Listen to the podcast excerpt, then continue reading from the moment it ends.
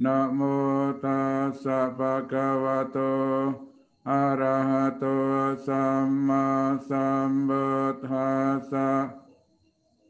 Namo tassa bhagavato arahato sama Sambuddhasa. Namo tassa bhagavato arahato arahato sama sambudasa namo tasa bagawato arahato sama sambudasa Butang saranang gathami Buddha saranang gajami Hamang saranang gathami Jamang sarana gajami. Sanggang saranang gajami. Sanggang saranang gajami. Tutiyam piputhang saranang gacami. Dutiampi budang sarenang gajami. Tutiampi tamang saranang gacami. Tutiampi damang saranang gacami. Tutiampi sangkang saranang gacami. Dutiampi sanghang saranang gacami. Tatiyam piputhang saranang gacchami. Tatiyam pi budang saranang gacchami. Tatiyam pi tamang saranang gacchami. Tatiyam pi damang saranang gacchami. Katiyampi sangkang saranang gacami. Katiyampi sanghang saranang gacami.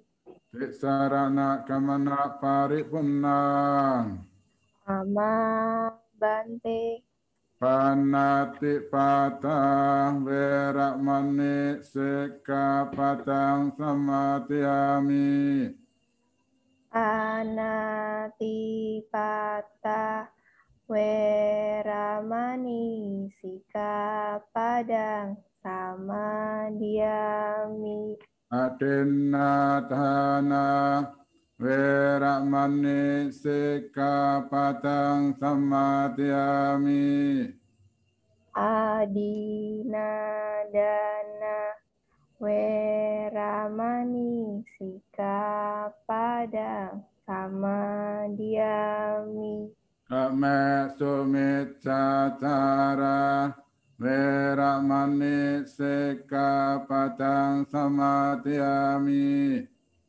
Kame sumita Weramani sika padang Samadhyami Mutsavata Veramani Sikapadang Samadhyami Musawada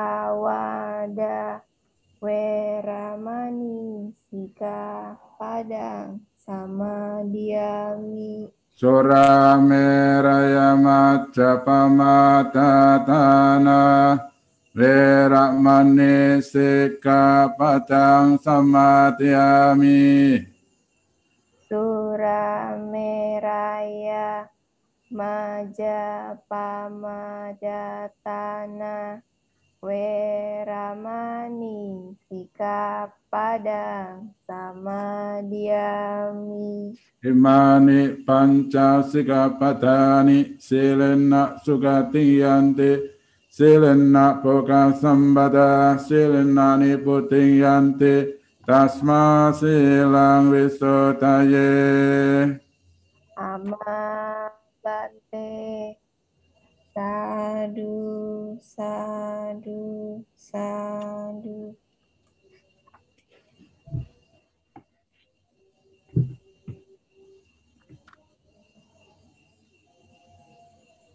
Baik, Bante, apakah bisa untuk menuntun kami untuk meditasi? Ya, para upasaka, pasika yang berbahagia, di mana pun berada, yang pada malam hari ini ikut kegiatan puja bakti, ya, Sabtu uh, 20 Maret. Untuk menambah kebajikan kita, menambah perbuatan baik kita, ya mari kita melakukan bawana, ya, bawana atau pengembangan batin untuk memaksimalkan ya, latihan pada malam hari ini. Ya, para upasaka upasika bisa duduk rileks, duduk nyaman, ya, mata terpejam, sebagai langkah awal untuk memulai latihan. Malam hari ini kita akan bersama-sama menggunakan napas alami untuk menjadi pusat ya, perhatian kita Tentunya masing-masing mempunyai napas. Napas alam itulah yang menjadi nah, pusat perhatian kita. Setelah semuanya rileks, duduknya nyaman, mari kita berupaya mengarahkan perhatian kita pada napas alami kita menyadari pada saat napas masuk, menyadari pada saat napas keluar. Napas masuk sadar, napas keluar sadar. Napas masuk sadar, napas keluar sadar. Intinya yang kita perhatikan adalah napas alami itu, bukan memperhatikan yang lain. Ketika para upasaka upasika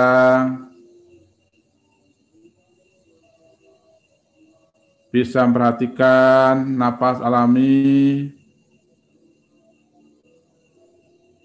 di situlah akan mendapatkan ketenangan, kedamaian, kebahagiaan batin. Namun usaha untuk itu perlu diperjuangkan karena objek-objek lain di luar napas alami sering kali muncul. Baik itu yang muncul dari batin maupun yang muncul dari jasmani. Kadang menyenangkan, kadang pula tidak menyenangkan. Tugas kita adalah mengabaikan semua itu. Artinya tidak memperhatikan objek-objek di luar napas alami. Karena tugas kita saat ini adalah memperhatikan napas alami, napas masuk, napas keluar di hidung. Ketika muncul lagi objek lain, abaikan, kembali arahkan perhatian pada napas alami. Demikian dan seterusnya yang kita lakukan hanyalah memperhatikan napas alami itu, bukan perhatikan yang lain. Selamat berjuang, selamat bekerja.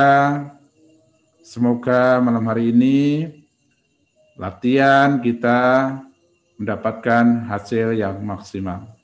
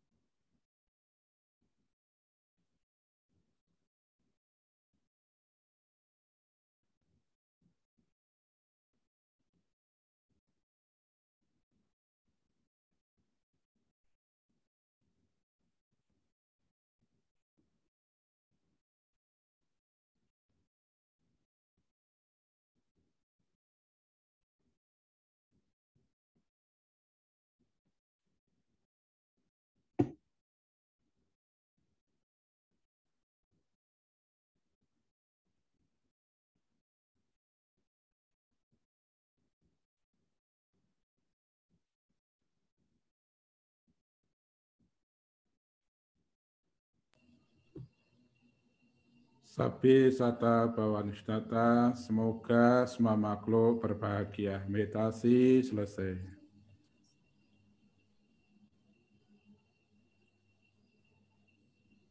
terima kasih Bante.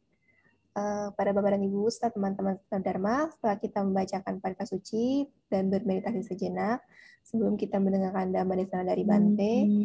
ada baiknya kita sama-sama membacakan Aradana Dhamma Desana.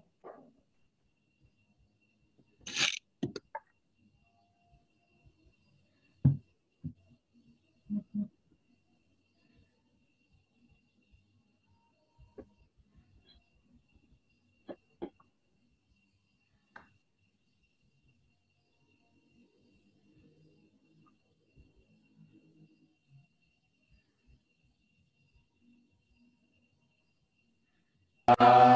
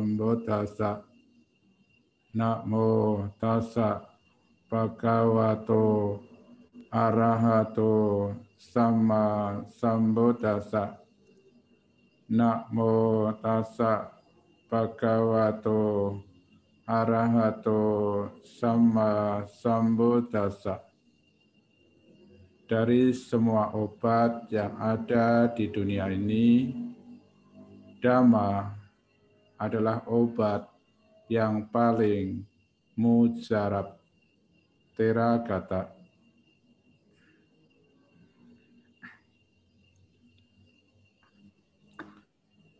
Pemimpin puja yang saya hormati, genap, kru, multimedia, Wihara Wita Masuka yang saya hormati pula, yang mensupport, yang mendukung kegiatan puja bakti secara virtual. Para upasaka, upasika, di mana pun berada, yang ikut serta dalam kegiatan puja bakti melalui virtual ini tentu melakukan dengan keyakinan, kesungguhan, dan tentunya selalu berpikir positif. Karena itu adalah faktor yang baik untuk menghasilkan manfaat yang besar ketika kita melakukan kegiatan yang berkaitan tentang dhamma. Para upasaka-upasika sekalian, dalam kehidupan ini tentu kita akan berhadapan dengan banyak hal. Berhadapan dengan hal-hal yang membuat kita bahagia, tetapi kadangkala kita akan juga berhadapan dengan yang membuat kita tidak bahagia. Artinya apa? Dalam kehidupan ini kita akan berhadapan dengan realita kehidupan, fakta kehidupan, yang tentunya realita atau fakta kehidupan itu bisa saja mengkondisikan kebahagiaan-kebahagiaan dalam kehidupan kita. Tetapi kadang juga membuat kita tidak bahagia. Ibu sekalian, ketika kita berada dalam kehidupan ini, suka atau tidak suka, mau atau tidak mau, harus berhadapan dengan fakta kehidupan, realita kehidupan. Kita tidak bisa sembunyi, kita tidak bisa lari. Yang bisa kita lakukan adalah menghadapi. Menghadapi tidak bisa lari, tidak sembunyi. Nah, untuk menghadapi ya, untuk menghadapi proses kehidupan ini memang tidak semudah yang kita bayangkan.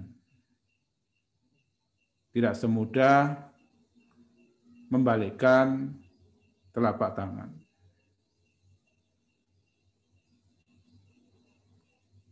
Karena sulitnya, karena tidak mudahnya itulah terkadang membuat batin bergejolak. Membuat batin menjadi luka. Kenapa bergejolak? Kenapa menjadi luka? Karena ketidaksiapan mental kita menghadapi proses kehidupan yang terus-menerus berubah dan kita tidak bisa memprediksi perubahannya seperti apa. Harapannya, ya, harapannya hampir setiap orang mengharapkan yang yang enak, yang nyaman, yang menyenangkan, yang membahagiakan, dan sebagainya. Tetapi kenyataannya apa yang diharapkan itu terkadang didapatkan, terkadang diraih, tetapi kadang pula harapan-harapan itu kandas di tengah perjalanan. Artinya kita tidak mendapatkannya.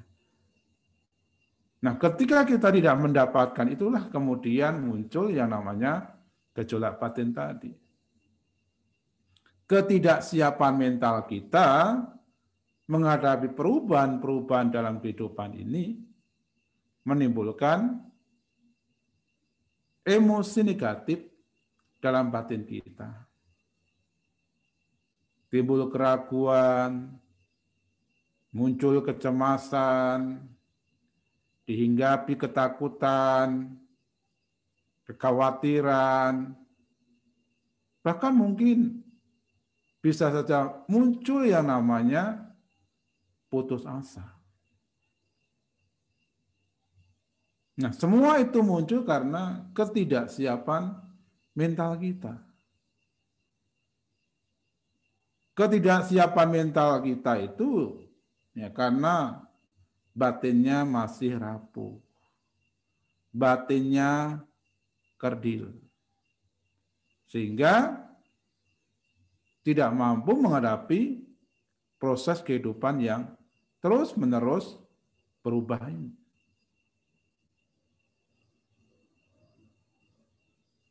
Para upasaka upasika yang berbahagia, ketika gejolak batin itu muncul, kemudian ketika batin itu bergejolak, ya, kita dihinggapi kekhawatiran, ketakutan, kecemasan, dan emosi negatif yang lain, membuat kita menjadi ya, tidak nyaman hidupnya. Tidur, tidak bisa nyenyak, makan, walaupun di hadapannya enak-enak, tidak merasakan enaknya makanan, dan sebagainya, dan sebagainya. Itu karena batin yang bergejolak beberapa hari ini ada cerita-cerita tentang orang yang mengalami gejolak batin.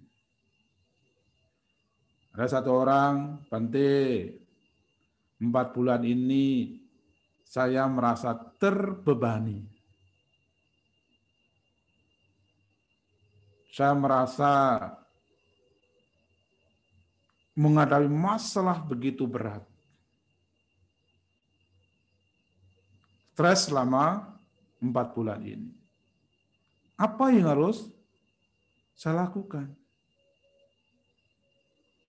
Saya tidak bisa nyenyak tidur, makan tidak enak, ya. muncul sakit-sakit, ya. utamanya sakit fisik. Cerita yang lain, Bante berapa bulan ini saya minum obat. Obat apa? Obat tidur. Kenapa minum obat tidur? Karena orang ini tidak bisa tidur. Kenapa tidak bisa tidur? Karena beban. Ya. Beban dari batin itu sendiri. Dihinggapi ketakutan yang luar biasa, padahal belum terjadi dalam kehidupan orang tersebut, tetapi seolah-olah terjadi. Seolah-olah dia melakukan itu, hal-hal yang buruk, padahal tidak melakukannya. Nah, dua cerita ini tentu masing-masing kita pernah mengalaminya, mungkin dengan masalah yang berbeda. Ketika batin terbebani buat sekalian, batin menjadi tidak sehat. Ketika batin menjadi tidak sehat, ya tadi, seperti dua cerita tadi, ada yang minum obat tidur, ada yang kemudian ya, ya tidak bisa melakukan apa-apa ya karena ya saking beratnya masalah yang dihadapi. Hidup terasa hampa. Nah, para pasaka pasika yang berbahagia. Sang Buddha suatu ketika bersabda kepada para biku. Wahai para biku, dalam kehidupan ini ada dua macam penyakit. Dalam kehidupan ini ada dua macam penyakit. Penyakit yang pertama mungkin kita bisa menghindari satu hari, satu minggu, satu bulan. Penyakit itu adalah penyakit fisik, penyakit jasmani. Apa itu penyakit jasmani? Penyakit fisik penyakit jasmani, penyakit fisik yang ya, yang pernah kita rasakan. Ya. Mungkin ada yang flu, ya. ada yang masuk angin, ada yang ya, mengalami penyakit-penyakit lain, jantung, ya, liver, kanker, dan sebagainya. Mungkin kita bisa menghindari itu. Satu bulan, satu tahun tidak ada penyakit. Bisa aja. Tapi Sang Buddha lebih lanjut mengatakan, ada satu penyakit, ada satu penyakit yang sulit kita hindari. Penyakit itu adalah penyakit batin. Ya, penyakit batin, buat sekalian.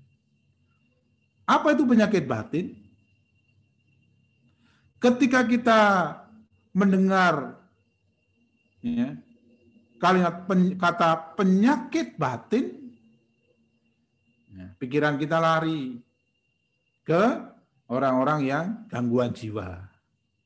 Orang yang di jalanan, ketawa-ketawa sendiri, ya, tidak pakai baju dan sebagainya. Larinya ke sana. Ya, itu yang sudah parah, ya, penyakit batin yang sudah parah, Ibu sekalian. Tetapi sesungguhnya kita juga mengalaminya. Ya, hanya saja ada yang kronis, ada yang parah, mungkin ada yang biasa-biasa saja. Nah, penyakit batin itu adalah penyakit yang didorong oleh keserakahan, kebencian, dan kebutuhan batin. Yang kemudian beranak pinak menjadi apa? Menjadi ketakutan, kekhawatiran, kecemasan, kekecewaan, ya, sakit hati, marah, ya, uring-uringan dan sebagainya dan sebagainya buat sekalian. Nah itu adalah penyakit batin. Pernah nggak kita menyadari itu, Bapak sekalian? Ya, ketika kita bertemu di jalan, ketemu di rumah teman, atau di mana, sering kali kalau kita ditanya, sehat-sehat? Oh iya, hari ini saya sehat. Ya. Apa kabar? Oh ya, saya baik, saya sehat. Yang dimaksud sehat dalam ya, perbincangan-perbincangan itu lebih pada sehat jasmani. Ya. Hari ini sehat, sehat. Karena bisa ikut Zoom. Bisa ikut virtual. Sehat apa? Sehat jasmani, sehat fisik. Ya. Tidak flu, tidak masuk angin, ya, tidak capek, tidak lelah dan sebagainya. Pernah nggak kita menyadari bahwa batin kita juga lagi sakit. Batin kita dalam kondisi tidak sehat. Nah, sering kali kita tidak menyadari itu. Padahal batin kita lagi sakit. Mungkin fisiknya sekarang sehat, hari ini sehat. Eh, ternyata lagi uring-uringan, lagi marahan, ya.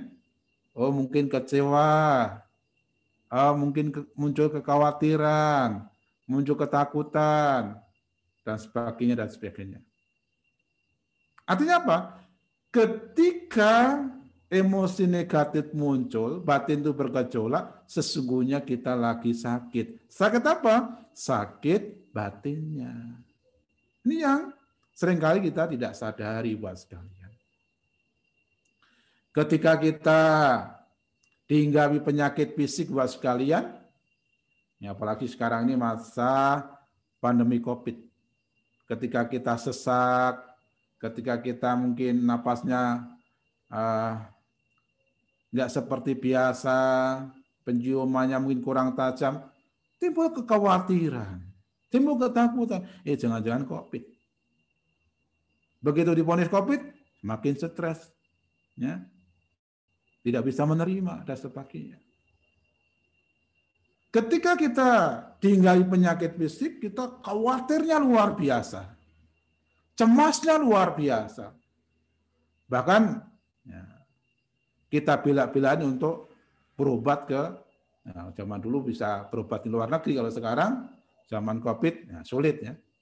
ya berobat ke luar negeri. Wah, hampir miliaran tapi giliran batinnya sakit, kita itu kayak nggak merasa nggak sakit.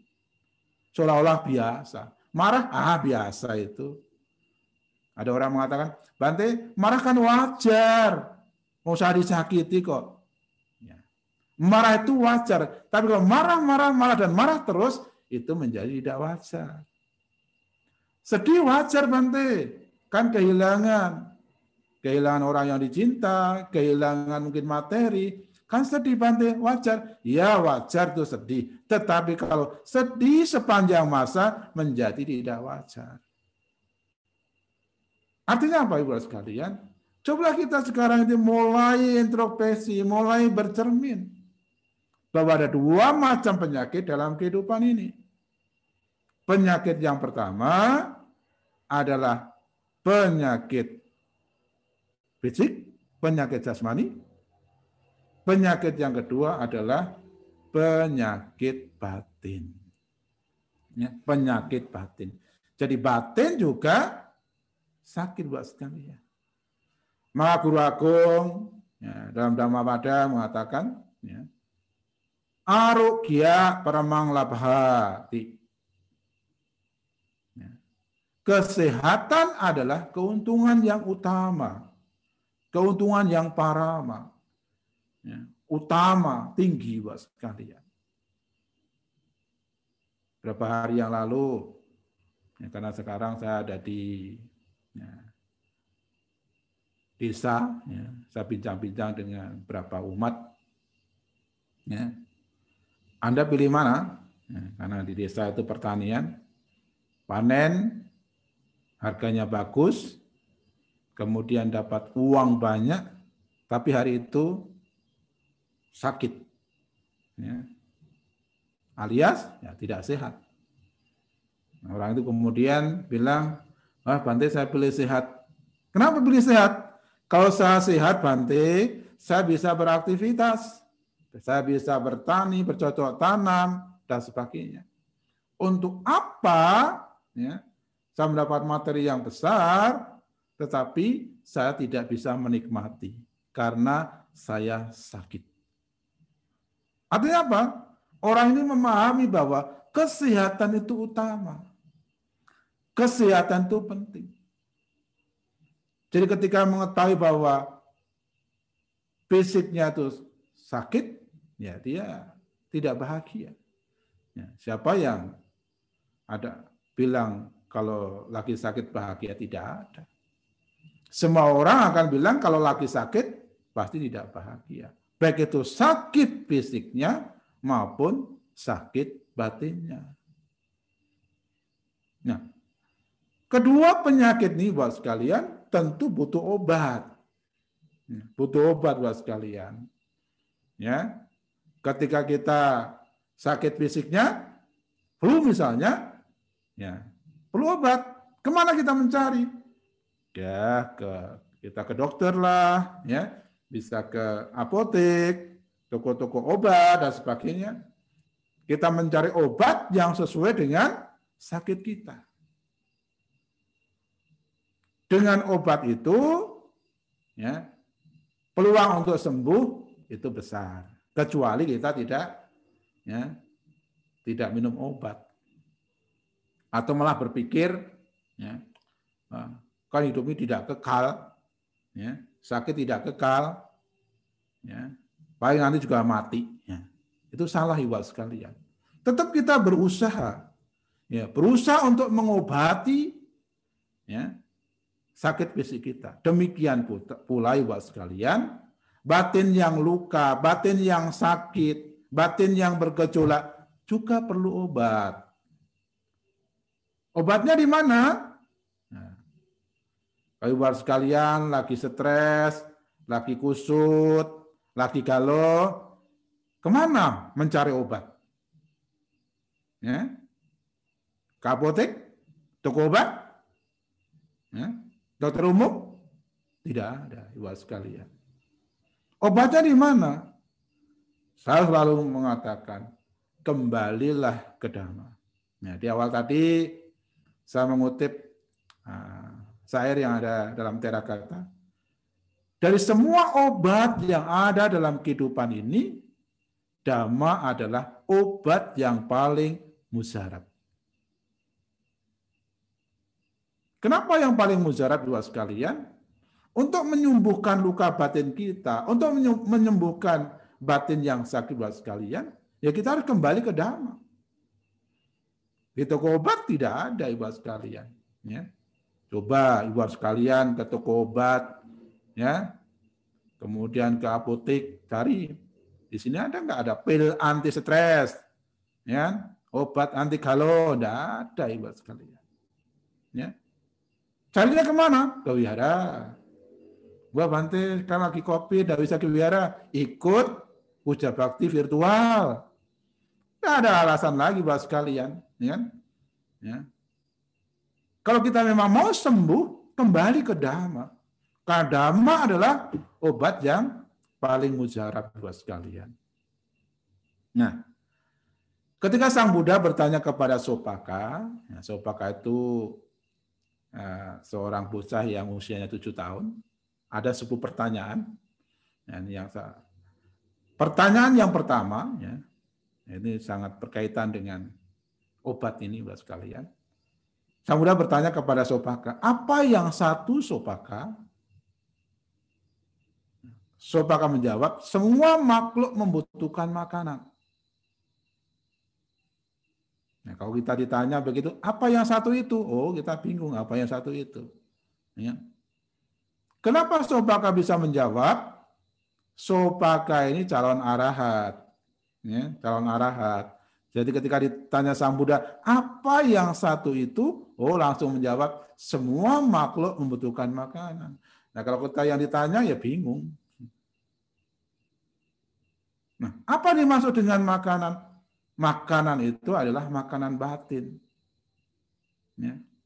Ibu sekalian, supaya batin kita sehat, kita membutuhkan makanan batin. Makanan batin itu adalah dhamma ketika ada asupan dhamma dalam batin kita, ya batin kita menjadi sehat.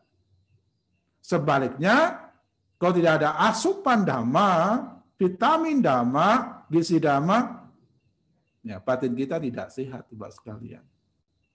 Akan mudah luka, akan mudah sakit. Kenapa? Karena batinnya rapuh. Nah, tapi kadang-kadang ibu sekalian, kita ini kadang-kadang melupakan makanan batin ini.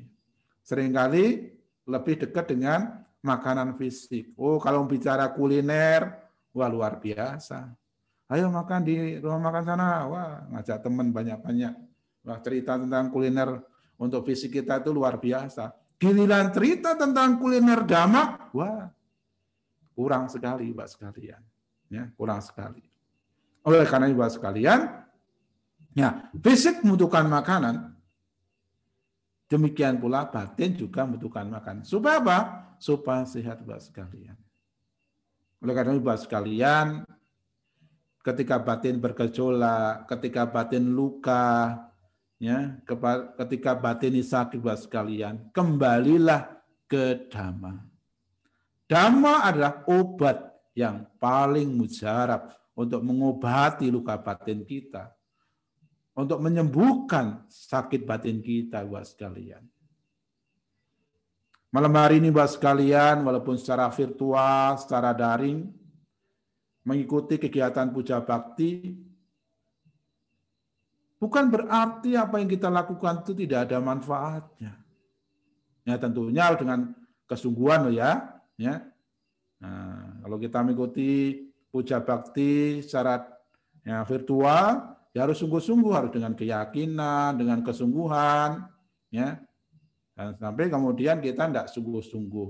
Ya nanti manfaatnya juga tidak maksimal ibu sekalian. Walaupun secara virtual kalau kita dengan keyakinan melakukannya dengan kesungguhan melakukannya dengan pikiran positif maka manfaatnya juga besar. Ibu sekalian walaupun secara virtual. Nah, tadi Bapak sekalian memperbarui sila. Kemudian melakukan cita bawana, pengembangan pikiran. Saya diajak untuk melihat napas alami. Ya, napas masuk, napas keluar. Sadar, sadar, dan menyadari itu terus menerus. Ini semua membentengi kita supaya apa? Pikiran buruk tidak masuk dalam batin kita. Maka ada napas masuk, napas keluar. Ingat rumah, napas masuk, napas keluar. Ingat apa, ingat apa? Abaikan, abaikan, abaikan. Ya. Hanya napas alami, hanya napas alami. Jadi menjadi filter sehingga yang negatif-negatif, yang buruk-buruk itu tidak tidak akan muncul. Ya. Ketika muncul pun kita abaikan kembali ke napas lagi sehingga menguatkan ya, pikiran positif kita. Jadi sungguhnya ketika kita tadi melakukan bawana pengembangan batin, kita menyantap makanan batin. Kita mengobati luka batin kita, buat sekalian. Di awal cerita tadi, di awal ya, cerita tadi ada cerita tentang orang yang minum obat ketika batin sakit. Bisa aja orang tidak bisa tidur karena stres, kemudian minum obat tidur. Bisa. Tetapi kalau ketika kemudian kita terbiasa minum obat tidur, ya keterusan, itu juga bahaya untuk fisik kita. Bukan hanya batinnya yang bahaya, tetapi juga membahayakan fisik kita juga, Bapak sekalian. Oleh karena itu, Bapak sekalian, ya jangan sedikit-sedikit tidak bisa tidur, minum obat tidur, ya Nah, nanti ketagihan, wah, bahaya, Ibu sekalian. Kembalilah ke damai, Ibu sekalian. Ya. Kenapa tidak bisa tidur? Karena batin ini terbebani. Ya, batin ini terbebani, Ibu sekalian. Nah, ketika batin terbebani menjadi seperti itu. Batinnya menjadi luka. Ya, batinnya menjadi luka. Ketika batin itu luka, Ibu sekalian, banyak hal yang muncul. Ya, khawatir, cemas, ya, takut, ya. kemudian kecewa, sakit hati, ya, marah, ya, benci, ya, sedih dan sebagainya. Itulah ya bentuk-bentuk dari batin yang sakit bawah sekalian. Oleh karena itu bawah sekalian, ketika kita kembali ke dhamma, ya, maka kesembuhan dari luka batin itu peluangnya besar. Ketika kita kembali ke Dhamma, batin yang sehat itu akan kita raih, kita dapatkan. Dengan catatan, kembali ke Dhamma. Karena Dhamma adalah obat yang paling mujarab untuk menyembuhkan batin kita, Ibu sekalian. Dhamma bukan sekedar teori, tetapi Dhamma adalah sesuatu yang kita praktekkan dalam kehidupan kita, Ibu sekalian. Pengetahuan dhamma mungkin bisa kita miliki. Bahkan mungkin sebanyak mungkin. Tetapi kalau kemudian tidak kita praktekkan, ya tidak akan membantu kita untuk mengobati luka batin kita. Ambil contoh. Ya. Semua orang tahu anicca. Ya. Apa itu anicca? Anicca tidak kekal. Ada perubahan dalam kehidupan kita. Begitu anicca datang kepada kita, di kehidupan kita, ibu sekalian, apa yang kemudian terjadi? Anita, kata-kata Anita tidak muncul lagi. Yang muncul apa? Marah, jengkel, ya, dan sebagainya, dan sebagainya. Itu yang muncul duluan. Kenapa? Hanya sebatas pengetahuan. Belum pada pemahaman dan penembusan. Itu yang saya maksud Dhamma bukan sekedar teori, tetapi juga harus kita praktekkan buat sekalian. Jadi buat sekalian, proses kehidupan yang kita jalani, perjalanan hidup yang sekarang ini kita jalani buat sekalian, yang dihadapkan dengan fakta kehidupan, realita kehidupan, kadang kita bahagia, kadang kita menderita, kadang kita untung, kadang kita rugi, Kadang kita dipuji, kadang dicela, kadang dikenal di masyarakat, kadang dicampakkan di masyarakat. Itu fakta kehidupan yang harus kita hadapi. Nah, untuk menghadapinya perlu yang namanya kesiapan mental. Bagaimana kita mempersiapkan mental kita? Tadi saya katakan, ada asupan dhamma untuk batin kita. Ada makanan dhamma untuk batin kita, Ibu sekalian. Sehingga mental kita menjadi kuat, menjadi tangguh, ya. Ketika mental kita kuat, tangguh, dewasa, maka kita akan siap menghadapi proses apa pun. Batin tidak mudah luka, batin tidak mudah sakit, karena dhamma yang kita praktekkan dalam keseharian kita. Para upasaka, upasika, di mana pun berada, inilah yang saya sampaikan pada malam hari ini. Semoga pesan ini bisa menjadi motivasi buat kita semua untuk kembali ke Dhamma. Batin bisa saja luka. Batin bisa saja sakit. Batin bisa saja bergejolak karena beban permasalahan yang kita hadapi dalam perjalanan hidup ini. Tetapi ketika kita tahu bahwa beban itu akan membuat batin bergejolak, batin sakit, batin luka, maka lepaskan beban itu. Bagaimana melepaskan beban itu? Kembalilah pada Dhamma. Dhamma yang akan membuat kita melepaskan batin, melepaskan beban untuk batin kita. Yang akan menjadi obat untuk menyembuhkan luka batin kita, sakit batin kita. Tentu, Dhamma bukan sekedar pengetahuan-pengetahuan yang kita serap, tetapi bagaimana pengetahuan yang kita serap, kita praktekkan dalam keseharian kita. Sehingga batin kita sehat, fisik kita juga sehat. Arugia pada manglabati. Ya, kesehatan adalah keuntungan yang utama. Dari semua obat yang ada dalam dunia ini, Dhamma adalah obat yang paling mujarab. Kembalilah pada Dhamma untuk menyembuhkan luka batin, untuk menyembuhkan batin yang sakit, sehingga batin kita sehat dan kita siap menghadapi proses apa pun yang ada dalam kehidupan ini. Semoga Tiratana melindungi, sampai sata bawantu kita Semoga semua berbahagia.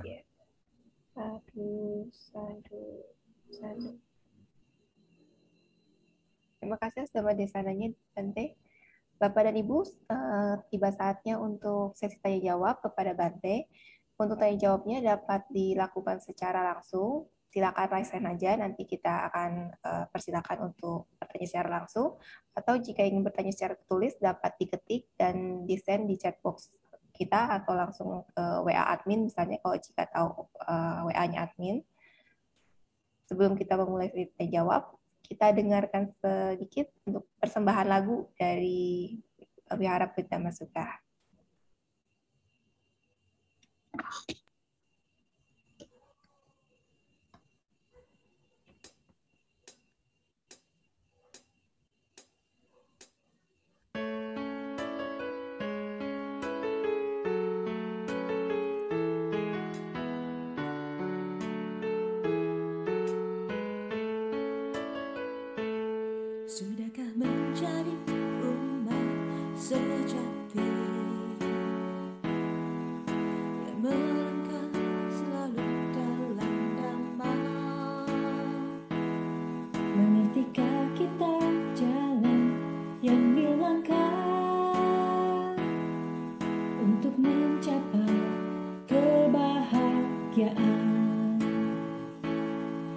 Laksanakan support lima sila yang mulia. Agar melangkah di kebenaran. Kembangkanlah pula rasa cinta kasih. Agar selalu jauh dari permusuhan. Kikislah semua loba dosa dan moha. Tingkatkan kebijaksanaan diri. Satukan tekad untuk menjalankan damai suci yang mulia. Yakinlah selalu pada Buddha damai kasihi semua manusia di dunia Hari-hari pastikan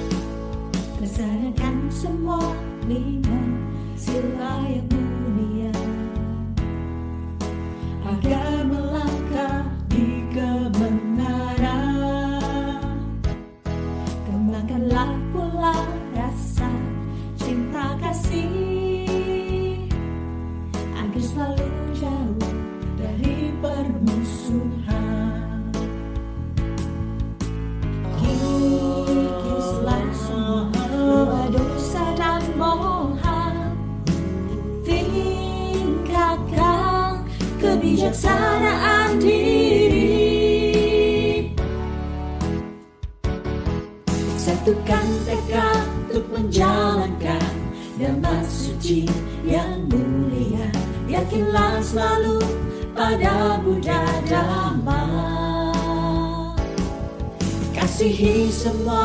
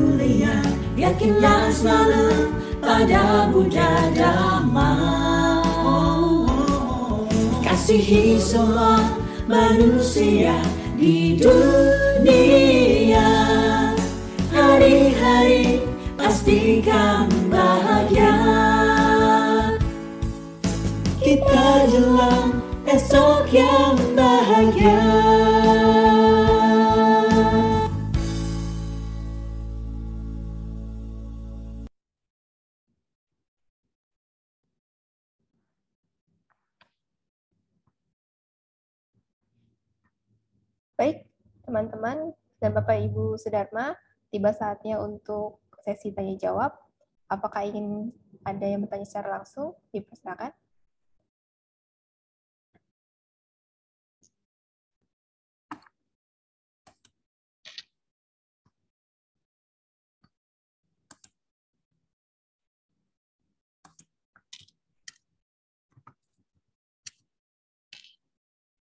Atau ada yang ingin bertanya secara tulis?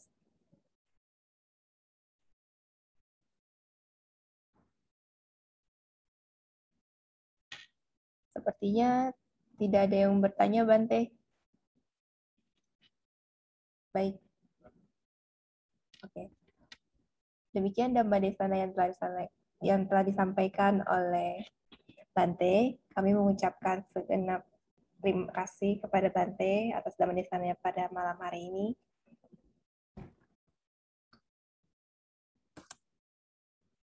Baik, pada Bapak dan Ibu, serta teman-teman, sebelum kita mengakhiri baktian pada malam hari ini, kita bersama-sama dana jika dengan melakukan dana